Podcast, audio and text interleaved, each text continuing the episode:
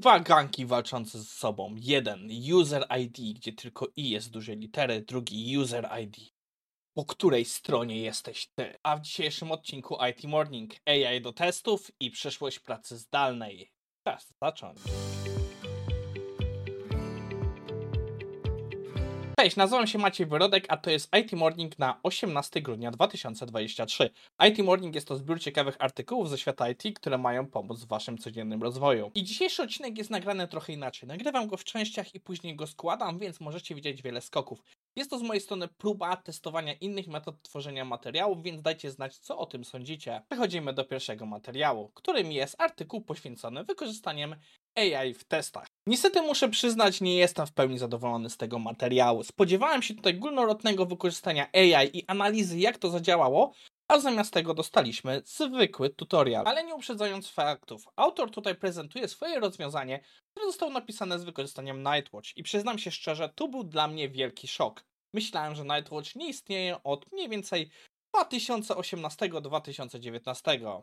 Nie będę ukrywał, nie wczytywałem się całą tą historię, ale z informacji w tym artykule wygląda na to, że przynajmniej od 2021 to narzędzie jest rozwijane przez browser Stack. Może dlatego mi to umknęło. Okej, okay, ale o czym jest ten artykuł? Będziemy pisać plugin do Nightwatch.js, który będzie komunikował się z OpenAI. W skrócie to wygląda tak. Kiedy nastąpi błąd w naszym teście, wysyłamy informację o teście, jaki był ten błąd, do API OpenAI i oczekujemy, że dostaniemy w odpowiedzi informację, jak możemy nas test poprawić. Przyznam się szczerze, pomysł mi się bardzo podoba. Jednak artykuł za bardzo nie pokazuje nam, jak to działa, więc jeśli chcemy to zobaczyć faktycznie w akcji, musimy to samemu napisać. I o tym jest reszta artykułu.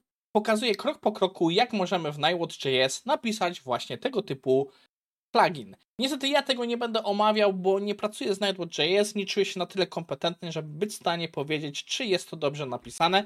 Jednak komendy krok po kroku miały dla mnie sens. To do czego zrobimy, przyjdziemy sobie na sam koniec artykułu. Dlaczego? Bo na końcu mamy jeden, jedyny przykład, jak to faktycznie wygląda w użyciu. Autor pokazuje nam wpierw wynik command line'a, jak wygląda sytuacja z błędem, a następnie pokazuje nam, jak wygląda jego odpowiedź z automatu, który przeanalizował mu kod.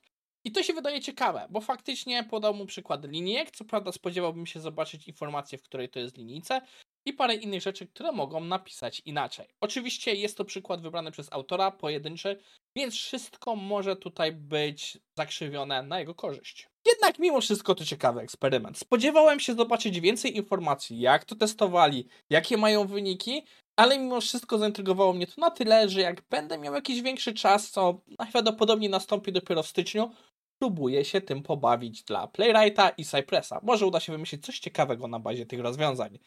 No i tyle w tym artykule. Czas na lekkie self-promo. Na moim blogu możecie znaleźć listę kanałów IT na YouTubie. Ta lista ma obecnie 145 pozycji i powstała m.in. z Waszą pomocą, za co dziękuję. Także w ramach mojego blogu możecie się umówić ze mną na konsultację lub mentoring, do czego zapraszam. Koniec reklamy. Przechodzimy do drugiego artykułu od Stay Sassy, który jest poświęcony pewnym dywigacjom na temat pracy zdalnej i jej przyszłości. Autor tutaj poświęca dużo czasu, by pokazać, jak wiele rzeczy wyglądają z perspektywy menadżera. Stara się pokazać i dobre strony pracy zdalnej, i negatywne strony pracy zdalnej. Niestety w paru punktach z nim się nie zgadzam, mimo że widzę jego perspektywę. Autor zaczyna swój wywód od dyskusji na temat, czemu tak trudno nam się rozmawia o pracy zdalnej, gdzie przytacza różne truizmy, które słyszymy na ulicy, że jest lepsza dla rodziców, że tak naprawdę wymuszanie pewnych rzeczy jest no wręcz pogwałceniem praw człowieka. I następnie zaczyna podawać swoją perspektywę na ten temat. Zaczynając od bardzo subiektywnego określenia, że on, mimo że lubi pracę zdalną, uważa, że zbyt dużo pracy zdalnej potrafi mu zaszkodzić i nawet nie potrafi powiedzieć, ile jest to za dużo. Trochę go rozumiem, bo widzę ten sam problem, jednak od czasu do czasu pewne rzeczy trzeba załatwić osobiście. Następnie porusza dywigację z własnego doświadczenia, że on widzi dwa typy ludzi, którzy najlepiej lubią pracę zdalną. Bardzo samodzielne jednostki, które są naprawdę super performatywne i one naprawdę w tym terytorium rozkwitają, ale z drugiej strony osoby, które są ciche, nie chcą się pokazać, które mogą spokojnie się opierdzielać w tym czasie pracy.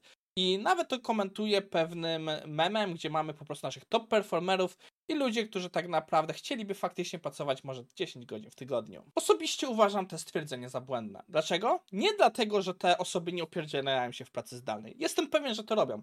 Ale ja też jestem w stanie wam pokazać przykłady, gdzie te osoby opierdzielają się siedząc w biurze. Więc praca zdalna tutaj nic nie zmienia. Następnie autor podnosi część stwierdzeń, z którymi się zgadzam, ale uważam, że to jest przez to, że my jeszcze nie rozpracowaliśmy pracy zdalnej. Po pierwsze, autor zaznacza, że jest bardzo ciężko podjąć szybko decyzję zdalnie. I tutaj jak najbardziej się z nim zgadzam. Jednak jest coś takiego jak Haden, można do niego wskoczyć i porozmawiać na bieżąco, na żywo, online i w ten sposób problemy rozwiązać. Wiadomo, wymaga to pewnej dyscypliny i przygotowań, ale nie uważam to za bloker. Natomiast z kolejnym stwierdzeniem mocno się nie zgadzam. Autor mówi, że bardzo trudno przekazać emotional wins, czyli po prostu nasze emocje związane z zwycięstwem przez internet. Dlaczego się z tym nie zgadzam? Live streamy. Na necie jest mnóstwo live streamów, gdzie przez internet przekazujemy nasze emocje i druga strona je odbiera i reaguje z nami na te emocje. Bo tak naprawdę najlepsze live streamy to jest nie tylko jakieś rzeczy techniczne, czy właśnie jakieś granie, ale także mnóstwo emocji. Więc jak najbardziej da radę to zrobić, tylko musimy wymyślić, jak to przełożyć na grunt pracy. Dlaczego się z tym nie zgadzam? Live streamy. Na necie jest mnóstwo live streamów, gdzie przez internet przekazujemy nasze emocje i druga strona je odbiera i reaguje z nami na te emocje.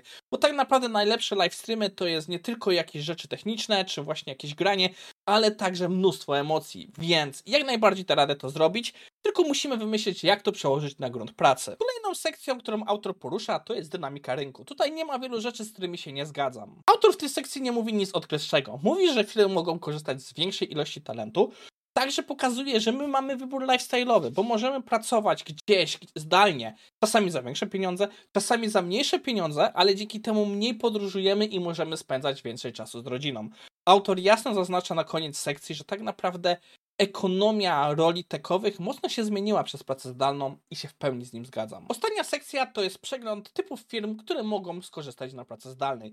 Są tam na przykład firmy, które są dobre, ale niekoniecznie najlepsze w swojej dziedzinie i biznesy własne, które są rozkręcone z naszych własnych pieniędzy, a nie są fundowane, bo nie zależy nam aż tak szybkim wzroście. No i oczywiście podaję przykłady firm, które jednak powinny być w twarzą w twarz.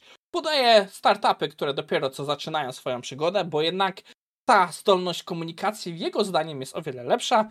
No i tak naprawdę liderów swojej kategorii, którym jest najważniejsze ciągle być najszybszym, ciągle być najważniejszym.